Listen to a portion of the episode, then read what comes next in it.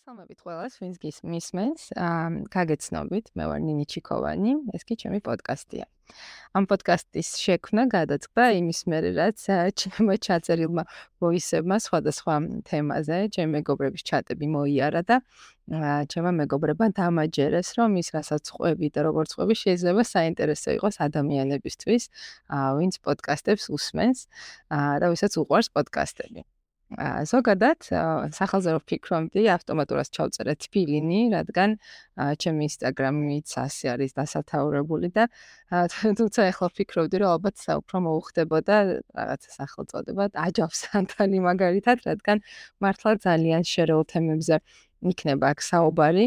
ციფრული ფსიქოლოგია, მშობლების და ბავშვების ურთიერთობა, პანიკური შეტევები, ფრენის შიში, რა ვიცი, ნუტრიციოლოგია, სექსუალური განათლება, ფინანსური განათლება, მოკლედ, ამაზე აჯობს სანდლორი რამე, ალბათ არც არსებობს და არც კი ვიცი რამდენ სწორია ესეთი არეული პოდკასტი, იმიტომ რომ მე რა პოდკასტებსაც უსმენს, თითქოს ერთი მიმართულება აქვს ხოლმე, მაგრამ მაინც ასე თუ ისე, რომ შევაჯამოთ, ვისაუბრებ ადამიანების ურთიერთობებზე, მშობლობაზე ძალიან ბევრს ვილაპარაკებ, ბავშვებზე ბევრს და მგონია რომ მაინც ასე თუ ისე დაალაგებული აჯობს სანდალი გამოვა.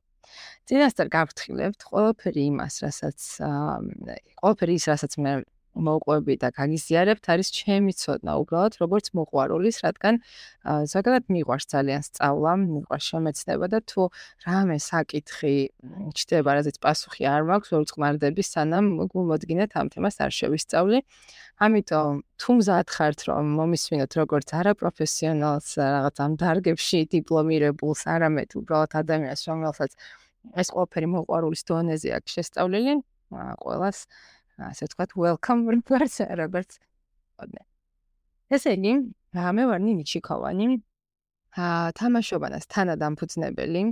ჩვენ თამაშობანაში ვქნით სამაგიდო თამაშებს, ინტერაქტიულ სპექტაკლებს, ზეიმებს, ვორქშოპებს და მალე გავხსნით უდიდეს ახალ ჯანსაღ საბავშვო გასართობ სივრცეს თბილისში და მე იმედია სხვა ქალაქებში. ასევე ვარ წიგნის ჭია და გამომცემელი.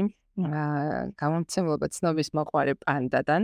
გარდა იმისა, რომ ჩვენი გამოცდილებით თარგმნით სოფლიო ბესტსელერებს, ასევე ვქნით სხვადასხვა საავტორო წიგნებს, მათ შორის ემოციების დიდი წიგნი, რას გვიამბობს სახლი და უკვე წლის ბოლომდე გეგმება, რომ ჩვენ პატარა ორკაციან გამოცემლობაში, რომელიც უკვე სამი გახდა ამ კვირიდან, გვექნება 13 წიგნი. ჯამში რაც უკვე მგონია რომ რაღაც დიდი ამბავია ძალიან მიხარია. ასევე მე ვარ ამაღი თანამფლოველი საბავშვო ხელნაკეთი ტანსაცმლის ბრენდის რკო. შეიძლება იცით ხსმენიათ, იმიტომ რომ აა ძალიან წარმატებული აქაც და საზღვარგარეთას და ეს წარმატება ძალიან מחარებს და მე ამაყება რომ მეც აწი ამ ბრენდთან ახლოს ვარ. ასევე სახლის ლამაზი ნივთების ბრენდის დამფუძნებელი ვარ, რომელსაც ქვია Mudo. ისიც ძალიან მიყვარს და ვამაყობ. და ზოგადად, ჩემი ცხოვრების მოწოდება არის ბავშვები და მათი ცხოვრების გახალისება. ყველა ბავშვის, მათ შორის ჩემი საკუთარი 11 წლის ილიასი და 2 წლის ლილისი. და შესაბამისად მათი მშობლების ჩემი მოწოდება გამოდის როგორც ბავშვების ყველაზე მნიშვნელოვანი კომპონენტი. კიდევ ერთხელ გავიმეორებ, რომ მე თვითონ არ ვარ ფსიქოლოგი, უბრალოდ ძალიან მიყვარს ფსიქოლოგია, ემოციების სამყარო, მე თვითონ მუდმივად ვარ საკუთარი თავის შესწავლაში, აღმოჩენაში, განვითარებაში და ისე პროფესიით ვარ მარკეტოლოგი და ცხოვრების დიდი ნაწილი ვიმუშავე კორპორაციაში და ჩემი პროფესიით.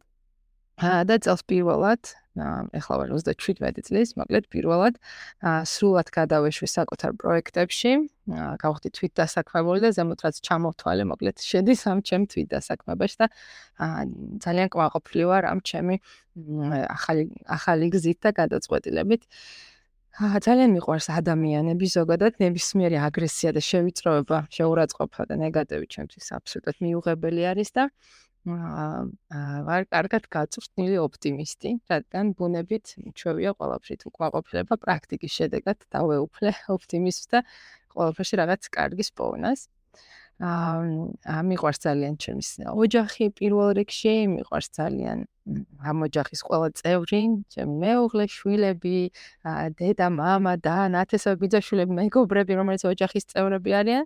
რა თქმა უნდა მიყვარს ჩემი საქმე, რასაც ვაკეთებ და ძალიან მომწონს მიყვარს ცხოვრება, იმიტომ რომ გიждები რანაირი გზებით და სიურპრიზებით და ამბებით არის სავსე და რომ ვერ წარმოგიდგენია სად შეიძლება გადაგისროლოს იმ იგივე დროს მომავალ წელს სულ გიჟდები და ვაკვირდები და მიყვარს და ძალიან მოკლედ მიხარია ყველაფერი რაც ხდება ჩემ ცხოვრებაში. ისეთიც ასეთიც ყველაფერი არის დიდი გამაცდილება მიხარია თქვენი აქ ყოფნა ეს სივრცე არის სიკეთისთვის ხარდაჭერისთვის და ახალი ინფორმაციის გაზიარებისთვის და აა მადლობა რომ მისმენთ